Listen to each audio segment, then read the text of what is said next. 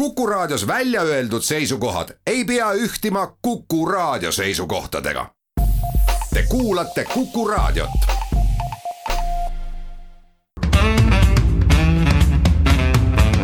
muuli ja Riikoja tere päevast, head kuulajad, kell on kohe seitse minutit üle üheteistkümne, on reedene päev ja sestap ka saate Muuli ja Riikoja aeg. täna on Kalle Muuli Kuku raadio Tallinna stuudios ja Indrek Riikoja Tartu stuudios. tere päevast. alustame tänast saadet äh, nojah, või võib vist öelda, et läbi kogu saade räägime koroona teemaga seonduvalt, et siin arutasime ennem saatet erinevaid teemasid, aga siis Kalle tõdes, et ega kõik see on lõpuks üks ja sama asi. aga alustame siiski turismiga Tallinkiga ja sellest, mis eh, või sellega, mis võiks saada Eesti turismist siin lähema poole aasta, aasta jooksul? no teise teema paigutamiseks koroona alla no tuleb küll selline fantaasia appi võtta, aga, aga jutuks tuleb siis 5G võrk ehk siis äh, uus äh, moodne mobiilitehnoloogia, mida mille üle, äh, mille jaotamise üle või mille sageduse jaotamise üle Eestis vaieldakse juba väga pikka aega, ka mitmes kohtuastmes on vaieldud. ja nüüd on siis äh, äh, väliskaubandus ja IT-minister Raul Siem teinud äh, äh, uue ettepaneku jagada see äh, sagedusala, mis meil kasutada on neljaks osaks, mis annaks siis ka võimaluse neljandale ja suurtes võlgades olevale levifirmale Levicomile osaleda kõrvuti siis Liisa äh,. oota ära nüüd kõike ka kohe praegu saate tutvustuses ära räägi. ja, ja Tele, Tele2 kõrval. no teema selline, mida peaks vist lahti seletama natuke jah. Äh, räägime ka sellest, äh, kuidas, kuidas ja milliseid meetmeid on siis erinevad koolid äh, kooliaasta alguses koroonaviirusega võitlemiseks kasut-, kasutanud ja kui mõistlikud need on või tunduvad olevat? vaatame ette natukene riigieelarve aruteludele, mis valitsuses tõsisemalt järgmisel nädalal algavad kaks päeva, siis veedab valitsus Sagadis ja ühe päeva vist arutab veel Tallinnas neid teemasid. esmaspäeval peaks tulema ka tuleva aasta majandusprognoos, eks siis kuuleb täpsemalt ja saate lõpetuseks räägime eileõhtusest uudisest, et äh, Tartu Ülikooli Kliinikumile valiti uus juht ja vastavaks paljude ootustele ei saanud selle, ei saanud selleks mitte meditsiiniga seotud inimene, vaid endine Swedbanka tippjuht Priit Perens. muuli ja Riikoja turismisektor on viimased äh, nädalad rääkinud pidevalt sellest, äh, kui kui suurtesse raskustesse on see valdkond äh, sattunud viimastel kuudel, et kui suvel siin tundus, et pisut läheb paremaks, sellepärast et piirid olid suuresti lahti, siis nüüd, kui Eestis on koroonasse, koroonaviirusesse nakatumine selgel kasvuteel ja tegelikult on see nii kogu Euroopas, siis on jälle nii-öelda turismisektor sunnitud ennast koomale tõmbama ja aga kui nagu väga palju tähelepanu ei ole see pälvinud, siis nii-öelda väga teravalt tõi selle teema esile äh, Tallink. Äh, Eesti vaieldamatult suurim äh, turismiga tegelev ettevõte, kes annab ka väga olulise osa nii-öelda kogu Eesti turismisektori käibest ja nende teade, et nad alustavad konsultatsioone oma ma ei teagi, mis see siis õige määratlus on, et nii inimeste koondamiseks, tööaja piiramiseks ja ja peaks see kõigis riikides kokku tähendama vähemalt kahe tuhande või puudutama vähemalt kahte tuhandet viitesadat inimest. ja seepeale nii-öelda uuesti paisusid või uuesti tõusid üles need hääled, kes ütlesid, et riik peaks väga selgelt äh, turismisektorit veel toetama, toetama vähemasti järgmise aasta suveni ja Tallink, Tallink ise või õigupoolest Tallinki juht Paavo Nõgene tõi eeskujuks nii Soome kui ka Saksamaa kus on langetatud juba strateegiline otsus, et ettevõtted saavad oma töötajad saata tasuta puhkusele. või jah, tasumata puhkusele ja et kuni, kes siis järgmise aasta suveni, Saksamaa näide järgmise aasta lõpuni tasub siis suure, riik suure osa nende turismitöötajate palgast jah, eks ju Eestis ka oli mõni kuu palgatoetust, mis aitas palju nii turismi kui kui Tallinkit, nüüd on see lõppenud ja, ja nii palju, kui töötukassal äh, reservi on, siis äh, ilmselt äh, ei saa küll määramataks ajaks sellist palgatoetust ette näha. seda enam, et noh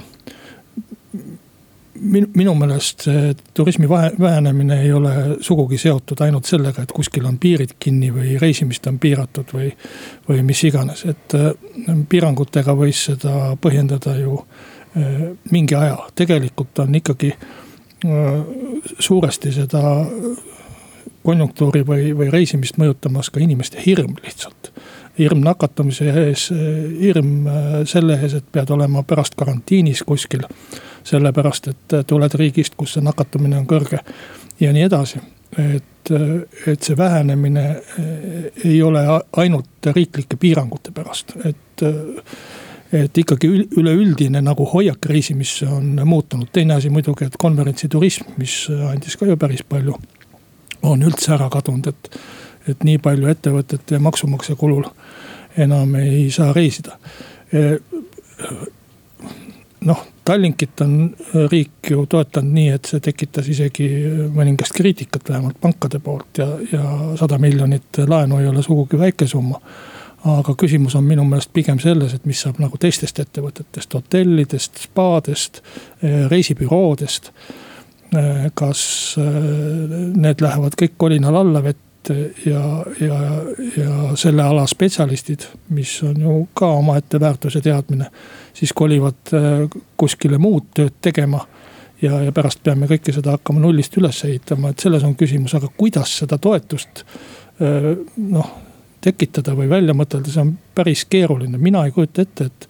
et hakata lihtsalt eraettevõtete, eraäri töötajaid äh, maksumaksja palgal hoidma sellise ebamäärase perspektiiviga äkki kunagi taastub ja äkki läheb kõik maru heaks. see jutt, et see juhtub järgmisel kevadel, minu meelest on noh, mitte millegagi põhjendatud, see võib nii minna, võib nii, mitte minna nii.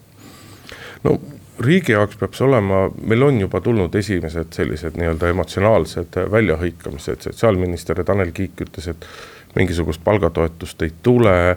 rahandusminister Martin Helme ütles, et äh, toetus võiks olla see, et näiteks Eesti inimestele hakatakse jagu, jagama vautšerid, millega nad saavad siis äh, kasutada Eestis siinsete turismiettevõtete teenuseid. riigi jaoks on see tegelikult puhas majandusliku arvestuse küsimus, kui palju kui palju ka tasub toetada ja, ja, ja kustkohast need piirid jooksevad ja see süsteem on või see loogika on tegelikult nagu väga lihtne. et äh, ühest küljest peab riik jälgima seda, kuidas äh, kuidas toimetavad meie ümberkaudsed riigid.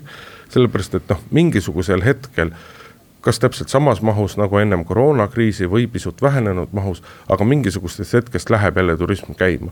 ja sellisel hetkel on võitjateks need riigid, äh, kes on kõige paremini selle jaoks valmis, et üks või üks võimalus on lasta kogu oma nii-öelda turismisektor allavette, ettevõtted pankrotti. inimesed lahti, inimesed lähevad kuhugile mujale tööle ja kui siis hakkavad eh, turistid uuesti liikuma, siis nad lihtsalt mõnda aega ei tule Eestisse, sest et me ei suuda neid vastu võtta.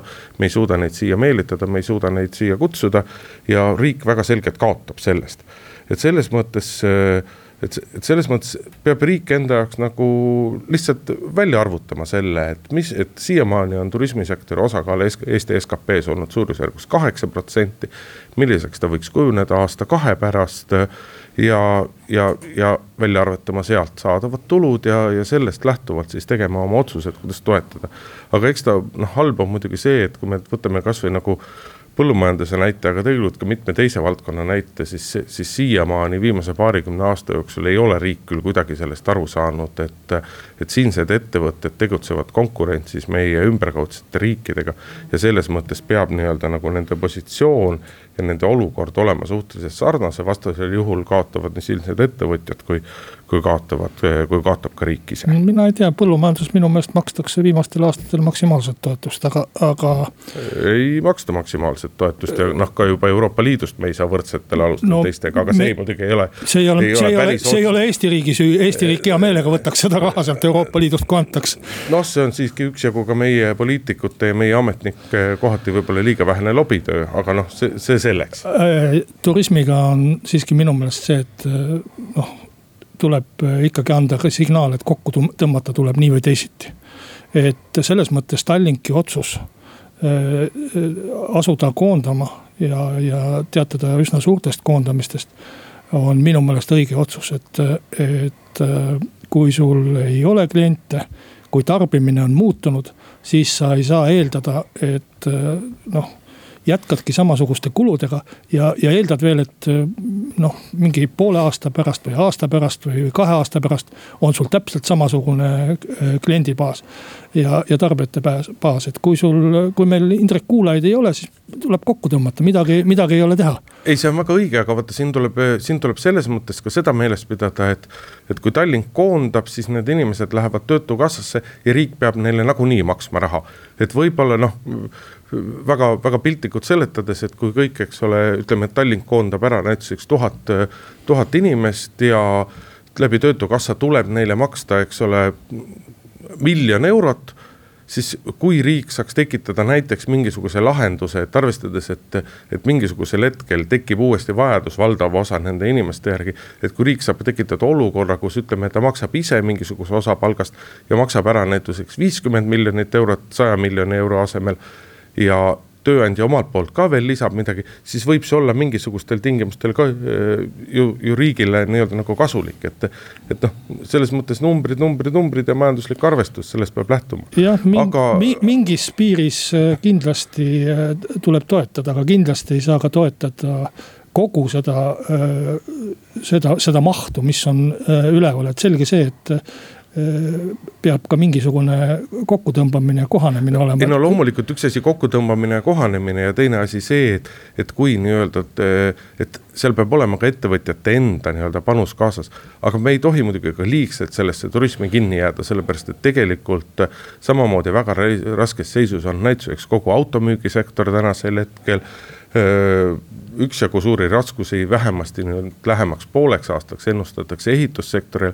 ehk neid valdkondi on tegelikult, tegelikult veel mitmeid, kes mingisugust abi ootavad ja, ja, ja, ja mina tahaks küll innustada riiki just nimelt nii-öelda nagu majanduslikult, majanduslikult mõtlema, et noh, jube lihtne on tänasel hetkel hakata kokku panema järgmise aasta eelarvet jube lihtne on mõelda järgmise aasta kohalikele valimistele ja, ja jube lihtne on siis hakata tegema mingeid selliseid nii-öelda selge populismi maiguga otsuseid, eh, noh nagu tegelikult see vautšerite näide ju on, et. Eh, no et, no, see vautšerite näide on kindlasti ebaõnnestunud näide, aga ehituses kindlasti riik saab tööd tellida, et selles ei ole probleemi.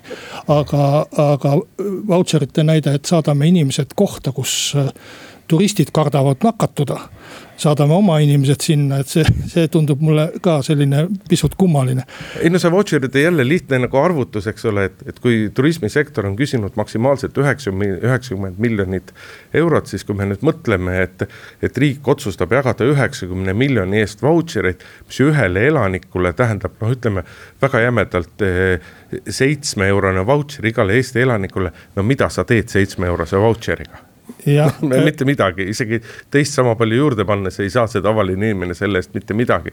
ehk, eh, ehk noh, see on sihuke kasutu populism. Indrek, teema lõpetuseks ma ütlen seda, et ega see ka väga majanduslik mõtlemine ei ole, kui me ütleme, et las kõik need hotellitöötajad lihtsalt istuvad riigi palgal, kuna ei, hotellid, hotellid on tühjad. et võib-olla siiski on mõistlikum äh, nad äh, mõnele teisele tööle suunata, kus nad saaksid oma panuse anda sellesse, et ülejäänud hotellitöötajaid siis üleval pidada. no üks asi teisele tööle, aga teisalt väga selgelt, et kui toetab riik, siis oma, omalt poolt täiendavalt peavadki ettevõtjad panustama, aga teeme siin väikese pausi. muuli ja Riikoja. jätkame saadet Indrek Riikoja ja Kalle Muuli. Raul Siem, väliskaubanduse IT-minister on siis teinud telekomi firmadele ettepaneku või küsinud nende arvamust selle kohta, et mis oleks, kui oleks nii, et jagada 5G sidevõrk või sagedusala siis neljaks jupiks.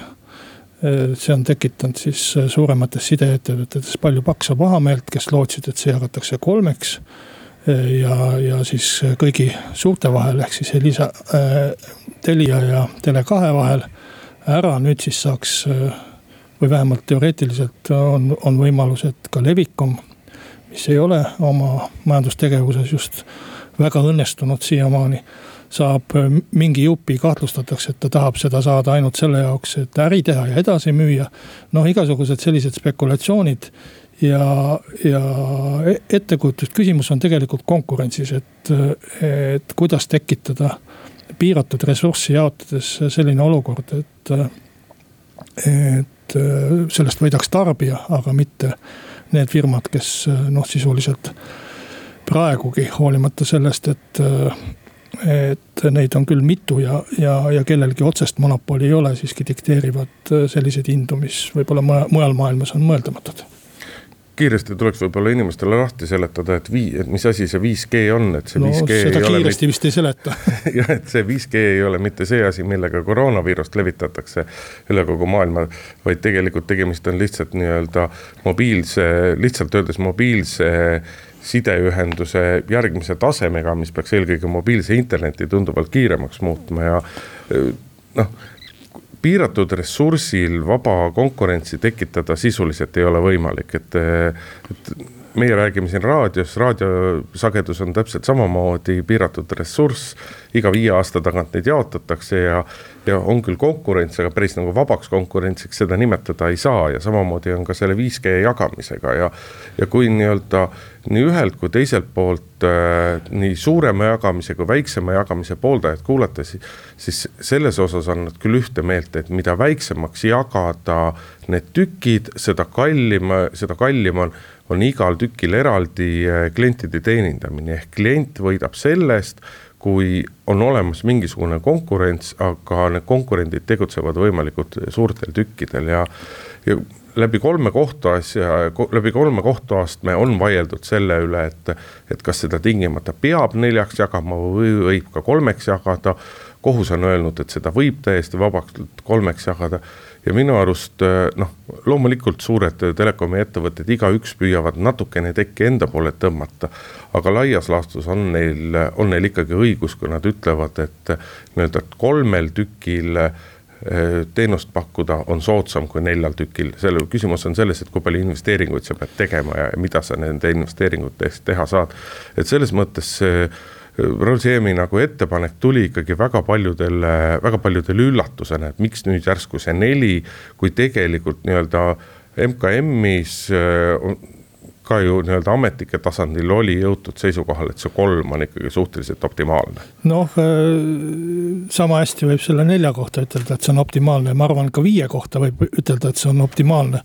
küsimus on selles, et, et mis sellest järelturust saab, ehk siis kas seda on võimalik edasi müüa kellele seda on võimalik müüa ja kes üldse saab ostjaks kvalifitseeruda, et kas Levikom, kellel äh, vist on mitme aasta majandusaruanded esitamata. kes no,. on väga selge maksuvõlg üleval, tema ei saaks tänasel hetkel et, äh, et, et kuidagi. kas seda, kas seda lubada või mitte, ma arvan ka, et selliseid asju ei saaks nagu lubada ja, ja mis siis sellest neljandast jupikesest saab, et kes seda siis ostma hakkab ja kes seda kellele edasi müüma hakkab, et.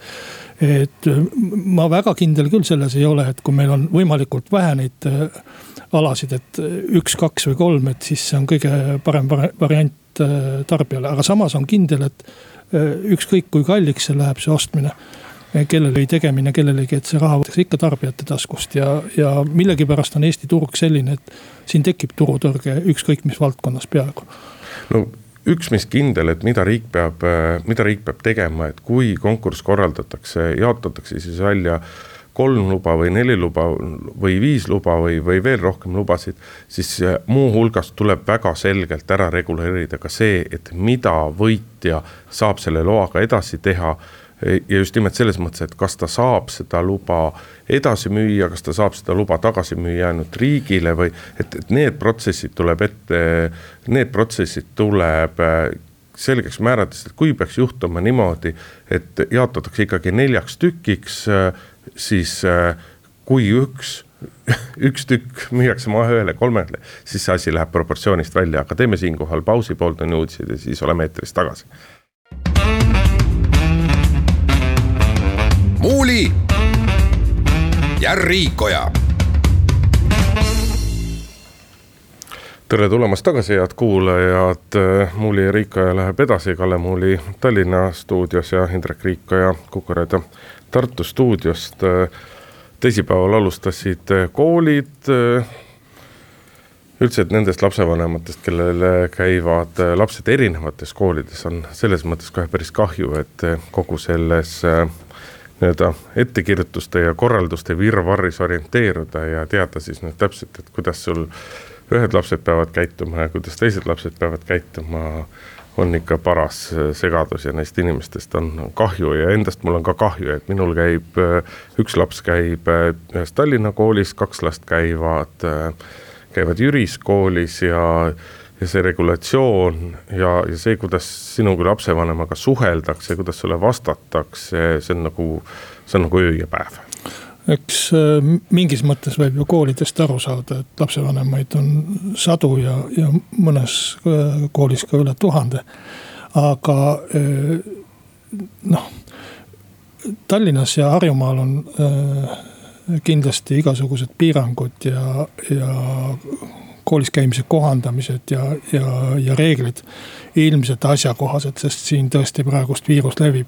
aga kui ma vaatan üle Eesti, siis tegelikult ju enamik Eestist on viirusest puhas, et võib-olla Ida-Virumaa ehk välja arvata, kus see, kus need kolded hakkavad nüüd taanduma. et võib-olla tasuks siiski koolidel mõtelda selle peale, et kui, kui maakonnas ikkagi üldse viirust ei ole et kas siis on äh, mõistlik teha väga põhjalikke ümberkorraldusi a la, et üks nädal koolis, teine nädal kodus. et võib-olla seda, ma saan aru, et koolid tahavad ette näha ja mingit rütmi luua ja, ja, ja lapsevanematel peab ka teatud etteteadmine olema, ega nad ei saa ka päris üleöö enda töid või tegemisi või, või kodus olemisi muuta aga, aga võib-olla, et siiski tasuks mõelda selle peale, et kui, kui tõesti seda viirust ei ole sealkandis üldse olemaski, et kas siis on mõtet seda koolisüsteemi muuta, et, püüda lastel lasta ka normaalselt natuke aega koolis käia ja siis tõesti, kui midagi juhtub kuskil järjekordses keldribaaris keegi viirust hakkab levitama, et siis muuta ka ka õppekorraldust selliseks, nagu on planeeritud rasketeks aegadeks. ei no seda küll, aga noh, vot see hakkab pihta igast asjadest, eks ole, ühes koolis kraaditakse kõiki õpilasi teises koolis õpilase ei kraadita, sest et kool viitab tervishoiutöötajatele, kes ütleb, et kui laps tuleb õuest tuppa, teda kraadida, siis see nii-öelda tulemus ei pruugi sugugi mitte tõele vastada.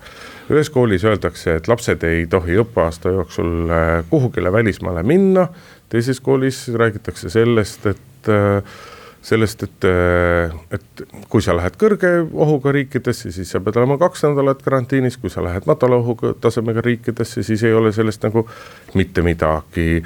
üks kool ütleb, et, äh, et kui laps annab äh, positiivse koroonaproovi, siis kahe nädala pärast ta tohib kooli tuua ainult juhul, kui tal on kaasa, kui tal on ette näidata nii-öelda negatiivne koroonaproov, samas me teame, et paljud arstid ütlevad, et kahe nädala pärast ei ole mõtet väga nii-öelda uut proovi teha, sellepärast et valetulemused on lihtsalt tulema ja see, see ei näita midagi. ja noh, ja nii edasi ja nii edasi ja nii edasi ja nii edasi ja nii edasi. et, et, et mingisugune ühtlus võiks nendes nõudmistes olla. ja ega ma päris täpselt ei saa aru ka haridusministeeriumi loogikast, et kui, et kui kõigil inimestel, kes tulevad ükskõik millisest riigist, on võimalik sadamas või lennujaamas anda koroonaproov, kui see on negatiivne, siis lühendada oma kahenädalast karant-, karantiiniperioodi, et miks koolilapsed on teistsugused, miks koolilapsele siis igal juhul peab see karantiin, karantiininõue nagu kehtima, et äh, no, või oskad sa mulle seletada? ega äh, nendele inimestele, kes lennujaamas praegu proovi annavad ja Eestisse tulevad, ega nendel on, eh, loetakse ka ju sõnad peale, et sa võid käia hädapärast tööl. Eh, hoida ennast ja, ja, ja, ja keegi, keegi ei ütle sulle, et sa pead minema väga rahvarohkesse kohta kohe. ei, absoluutselt ja sa pead ikkagi mõned päevad see, olema kodus see ja nii edasi. selline hädalahendus juhuks, kui inimesel on tõesti pärast sealt lennureisilt tulemist vaja kuskile tööle minna ja kui see töö on selline, et noh, ei pea kallistama koolis on ka lastel vaja käia. aga, aga koolis äh, ikkagi üldjuhul on väga raske tagada seda, et äh, lapsed äh, üksteisega kokku ei puutuks või hoiaks kahemeetrist vahet või, või mingit sellist asja, et täiskasvanud inimesel.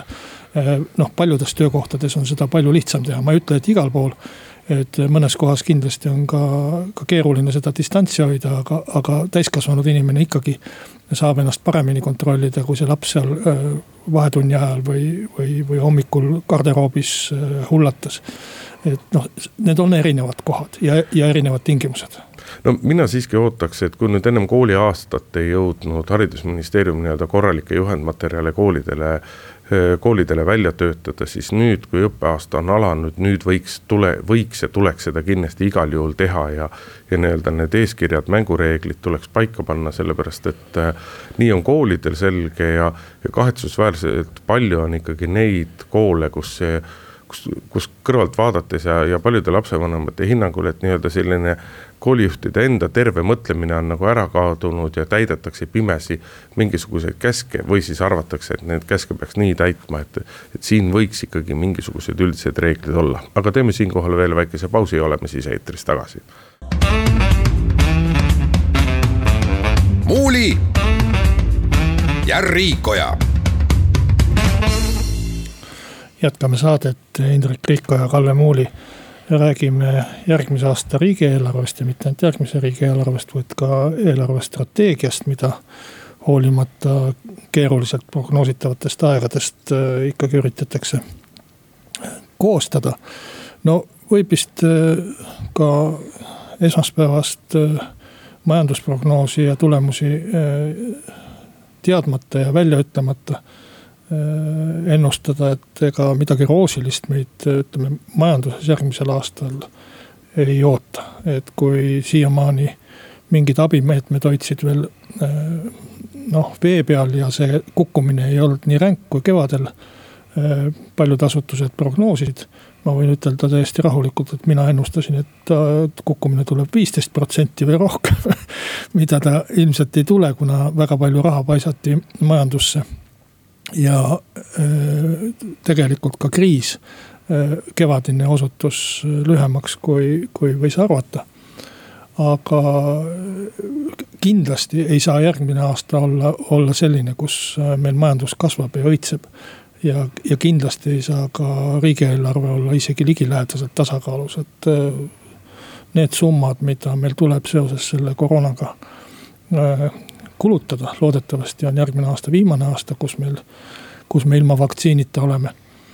et, et need summad saavad olema päris pöörased, aga ma arvan, et see on ikkagi märksa õigem taktika, kui kui hakata kuskilt hirmsasti nirutama. no ma ei saa siiski torkamata jätta, et tasakaalus riigieelarvet on siiski täiesti võimalik teha, see eeldaks on väga suuri kärpe, see eeldaks väga suuri kärpeid, aga kas aga kas see on ka mõistlik, on omaette küsimus ja, ja tänasel hetkel äh, mulle tundub, et isegi vist on äh, ka opositsioonil nii palju tarkust, et äh, nii-öelda iga hinna eest tasakaalus riigieelarve tegemist keegi enam, keegi enam ei oota ja keegi enam ei, ei nõua. et ma ei tea, sina vist oled neid esmaspäeval avaldatava majandusprognoosi numbreid näinud ka?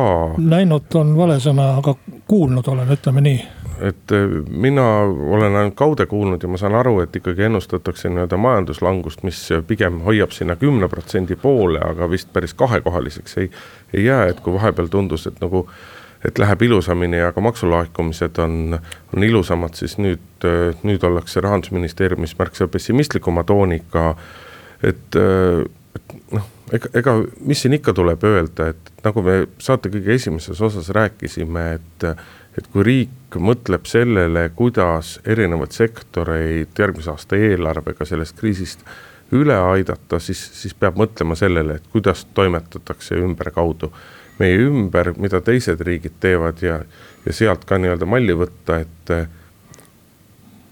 et oleksid, et oleksid nii-öelda võrdsus oleks tagatud just nimelt konkurentsi mõttes ja, ja noh suurest pensionitõusust me ilmselgelt ei saa rääkida.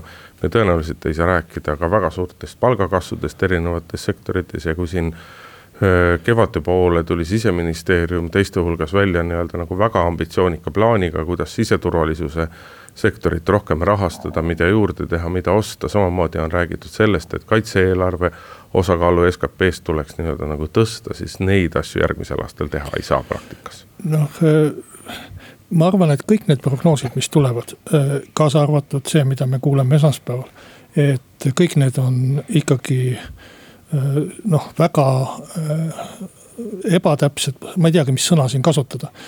oraste peal. ütleme niiviisi, et, et ainult selle hetke prognoosid ja, ja, ja kahe nädala pärast võib teha hoopis teistsuguse prognoosi. nii nagu meil oli kevadiste prognoosidega, et, et kuna see haiguse või, või viiruse käitumine on väga raskelt prognoositav. ja, ja keegi ei oska ütelda, kas meil puhkeb siin teine laine, kolmas laine või ei puhke üldse mingit lainet ja suudamegi hoida selle kuueteistkümne nakatumise peal kahe nädala jooksul saja tuhande elaniku kohta, nagu ta praegu on. et sellest sõltub ju väga palju ja, ja selle, ma arvan siiski, et selle, selle nakatumise allhoidmise peale peab kõvasti panustama. sest noh, see võib tunduda küll nagu majandust kahjustav, kui me keelame öise alkoholimüügi ära või, või ütleme, et baarid peaksid nüüd uksed kinni panema mingiks ajaks. aga tegelikult ju selle nakatumise allhoidmise nagu mõte või, või eesmärk on ikkagi see, et hoida oma piirid lahti, et teised riigid ei, ei paneks meie piire kinni. ja ei ütleks, et Eestist ei või äh, välja sõita ja Eestisse ei või sisse sõita. et see äh, piiride sulgemine on äh, kõige hullem asi ja see kahjustab meie majandust ilmselt äh, kõige rohkem. et kõik need kohalikud sellised väiksed abinõukesed seal kuskil Ida-Virumaal natukene ja Tartumaal natukene et need ei avalda nii suurt mõju kui see, et meil üldine nakatumiste arv läheb nii suureks, et meid hakatakse vaata, vaatama kui mingit paariariiki noh, Lätist juba tuleb tänase, tänaseidki uudiseid, mis on võib-olla natukene üle võlli keeratud, aga eks seal oma tõetera ole ju sees. Aga kui nüüd eelarve juurde tagasi tulla, siis üks asi, mida kindlasti, mida kindlasti tuleb teha, on, on ka nii-öelda riigi enda kulude kokkuhoid, riigi enda ülalhoidmise pealt, et erasektor on väga selgelt nii-öelda kärpinud, sisuliselt kõik valdkonnad ennast kärpinud, et riigisektor seni kärpinud ei ole ja, ja mõistlik oleks seda teha tegelikult juba sellel aastal, sest et vastasel juhul selle nii-öelda saadava saadava kokkuhoiu mõju järgmisel aastal, ta jääb järgmise aasta eelarves nii-öelda nagu väga napiks. noh, seda on tore ütelda, aga ütle mulle, mida sa kärbid, et äh, kui, kui nagu reaalselt vaatad, kui me räägime äh, investeeringutest siis oleks tobe ju seda kärpida ja ütelda, et ehitajatele, et teate, me seda teed ei ehita täna. et olge ilma tööta. teine asi, palgad kas me kärbime õpetajate palku? no ei tahaks kuidagi kärpida sellises olukorras, kus nad peavad äh,, taevas teab, millise rütmi järgi töötama, kord interneti teel, kord äh, mitte. olema nakatumishirmus ja nii edasi äh,. kas me kärbime arstide palku, kas me kärbime haigekassa kulutusi, kas me kärbime pensione? Kas me kärbime Politsei- ja Piirivalveameti töötajate palku, kes äh, ka käivad maskid ees äh, ja, ja teevad äh, palju rohkem ja palju ohtlikumat tööd kui muidu. et kui sa niiviisi võtad läbi selle riigi, ega neid kärpimiskohti väga palju ei ole. ma ei taha öelda, et kärpimiskohti on väga palju ja väga massiliselt, aga neid kärpimiskohti on, noh, kui sa räägid palkadest, siis noh ministeeriumid, erinevad ametnikud, kogu see pool, üks asi on palkade kärpimine, teine on töökohtade, töökohtade kärpimine. aga ega mingis olukorras see, see on küll väga ebapopulaarne niimoodi öelda, aga ega mingisuguses olukorras peab ka võib-olla õpetajate või, või kellegi teise, kolmanda, neljanda äh, palku ka kärpima võib-olla. et, et selle järgi vajadus on olemas, et noh, nii nagu valdaval osal erasektori teenist-, ametnikest, erasektoris töötavatest inimestest, kellest ka väga paljud teevad väga olulist, väga erilist tööd. Nad on ju kõik selle läbi elanud, on see, need palgakärped nii-öelda nagu üle elanud, et ega seda tulebki hakata vaatama, aga seni on see nii-öelda riigi kulutuste kärpimine justkui olnud mingi dogma, mis on nagu täie, mis on täiesti nagu välistatud, aga tänasel hetkel see aeg hakkab nagu kätte jõudma, et ka selle peale tuleb mõelda. vastupidi, minu koduerakond Isamaa on, on päris tugevalt selleks survet avaldanud, aga, aga, aga me peame aru saama. no selle sellest, üle et... riigi tasandil otsustab rahandusminister, kes siiamaani on teatanud, et riigisektorist kärpima ei hakata no.. et, et poliitikud jah, võivad siin nii-öelda populist, opositsioonipoliitikud on ka öelnud, et peab kärpima, peab kärpima peab kärpima, aga see ei tähenda veel, et kärpima hakatakse. Isegi ühe, ühe koalitsioonierakonna nii-öelda mõtteavaldus, et võiks kärpida, ei tähenda, et tegelikkuses ka kärpima hakatakse, aga seda tuleb hakata tegema, aga Kalle, ma pean sind katkestama, sest peame väikese pausi tegema ja siis järgmise teema juurde minema. muuli ja Riikoja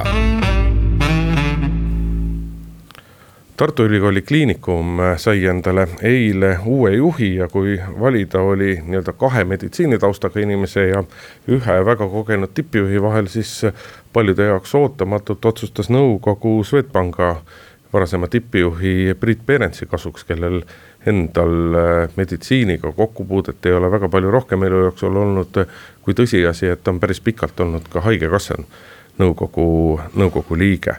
mäletatavasti äh, äh, Tartu Ülikooli Kliinikumi eelmine juht Priit Eelmäe sai ametis olla suhteliselt napilt paar aastat ja nii-öelda erimeelsuste tõttu kliinikumi erinevate allüksuste juhtide ehk meditsiinitöötajatega professorite ja, ja kelle kõigiga vastuolude tõttu tuli tal lõpuks ikkagi ametist lahkuda. jah, noh, eks äh, Priit Perentsi, kui, kui, kui ta ise ütleb, et ta on väga suure juhtimiskogemusega, see kõik on õige. Ja, ja ma arvan, et kindlasti ei ole häiriv ka see, et tal meditsiiniga äh, pole rohkem kokkupuudet olnud kui haigekassa nõukogus, et küsimus on, on äh, sellest taustast, mis talt eelmisest töökohast, sellest suurest kogemusest kaasa tuleb, ehk siis sellest, et ta oli aastatel kaks tuhat kaheksa kuni kaks tuhat neliteist Eesti Swedbanki või Swedbanka Eesti juht ja, ja hiljem ähm, juhtis ka kogu Baltikumi haru selles pangas. et need uurimised on ju käimas veel mis sealt võib välja tulla. ja, ja mingisugune selline, selline riskimoment on ja siis veel see küsimus, et noh minu meelest tervikuna Eesti pankurid, kes äh, nendes äh, nendes äh, rahapesu asjades osalesid, kes rohkem, kes vähem. no sa ikka ütlesid selle rahapesu välja, sa muidu nagu keerutasid nagu kass ümber palava pudru. oh ei, see sõna ei tekita mul küll mingit tõrget. aga et, et et äh, minu meelest on nagu nad ka, ma saan aru, et ametisaladus ja nii edasi ja, ja võib-olla, et ka, ka mingid pangasaladused. aga põhimõtteliselt ma arvan, et Eesti ühiskond vajaks nende inimeste käest äh, suuremat selgitust selle kohta, mis toimus. mis äh, mu jutust ei maksa nüüd järeldada, et ma kuidagi laidan Priit Perentsi valimist Tartu Ülikooli kliinikumide etteotsa, ma arvan, et pigem on see ikkagi hea valik. no see on see kuldne küsimus, et kas nii suure äh, kas nii suure asutuse juht, kas ta peab olema just nimelt juhtimisala ekspert või peab ta olema selle konkreetse valdkonna, antud juhul siis nii-öelda nagu meditsiiniekspert. Et see on põhiline küsimus ja tegelikult vist õigem on ikkagi, et sa ei saa tegeleda sellisel positsioonil olles mingisuguse kitsa meditsiinilise valdkonnaga, et kui sa siiamaani oled oled olnud arst, siis sellele kohale asudes saab sinust ikkagi tegelikult funktsionär ja ametnik. ja nii-öelda oma arstitööd piisava koormusega, et su kvalifikatsioon säiliks, sul ei ole selle koha kõrvalt võimalik enam edaspidi nagu teha, et selles mõttes see juhile orient-, orienteerumine on, on, on pigem nagu õige. iseasi, kas äh, nii-öelda arstide seltskond, kes on üksjagu keeruline seltskond, väga palju räägitakse sellest arstide ringkaitsest ja teatud mõttes see ringkaitse sai ju tegelikult ka Priit Eelmäele saatuslikuks, et kui ikkagi arstid võtavad kampa ja on millegi vastu, siis tihtipeale kipub see nii minema, et, et nende soovid lähevad läbi, et no eks, eks, eks juhi ülesanne ole see, et nad ei võtaks tema vastu kampa ennast, kui sa, kui sinu väljendit kasutada, aga, aga see kriis, mis oli vist äh, selle aasta algul, eks ju. veebruaris kuskil või jaanuaril, kus äh, terve hulk äh, kliinikumide juhte tegid siis avalduse vist üheksateistkümne juhi avaldus oli nii Priit Eelmäe, siis eelmise juhatuse esimehe vastu. Aga see oli ka nõukogu esimehe vastu, nii et ma arvan, et kas nad on nüüd leppinud nõukogu esimehe Urmas Klaasiga, aga omal ajal nad nimetasid teda vähemalt seal äh, pole tööga hakkama saanud ja sellised väljendid olid täiesti olemas ja, ja nõudsid tema äh, lahkumist seoses sellega, et ta äh, kui ma nüüd sõnastust õigesti mäletan, õigustab emotsionaalselt vägivaldset juhtimist või mingisugust sellist, sellist asja, nii et eks, eks need kired seal sees ole kerged uuesti lõõmama lööma ja ma arvan, et sellepärast on just hea, et inimene on tulnud väljastpoolt, ei ole. ei ole üks, kes võiks olla seal sees mingi, mingi poole või mingi märgiga seostatud, et pigem on ikkagi sellisel juhul kogenud juhis, juhil, kes väljast tuleb, kergem seda elu juhtida, kui see äh, sisemus seal nii emotsionaalne ja vägivaldne on. sest ega keerulised protsessid, mis tuleb ellu viia, ei ole Tartu Ülikooli Kliinikumist kuhugile kadunud, et kui kinnisvara hakkab nii-öelda, kinnisvara pool hakkab nii-öelda nagu valmis saama, uued majad, uued hooned, üht-teist siiski veel on teha, siis nii-öelda see struktuurireform sisene juhtimisreform, kõik need vaja, asjad vajavad ikkagi, ikkagi tegemist, need tuleb ikkagi ette võtta ja need võivad nii-öelda paljudele praegustele haiglajuhtidele ikkagi olla vastumeelt, et selles mõttes seal laveerimist ja sellist läbirääkimiste oskust läheb ikka väga kõvasti vaja. aga siinkohal peame meie tänase saate otsad kokku tõmbama. Kalle Muuli, Hindrek Riik olid stuudios ja nädala aja pärast kuuleme jälle. muuli ja Riikoja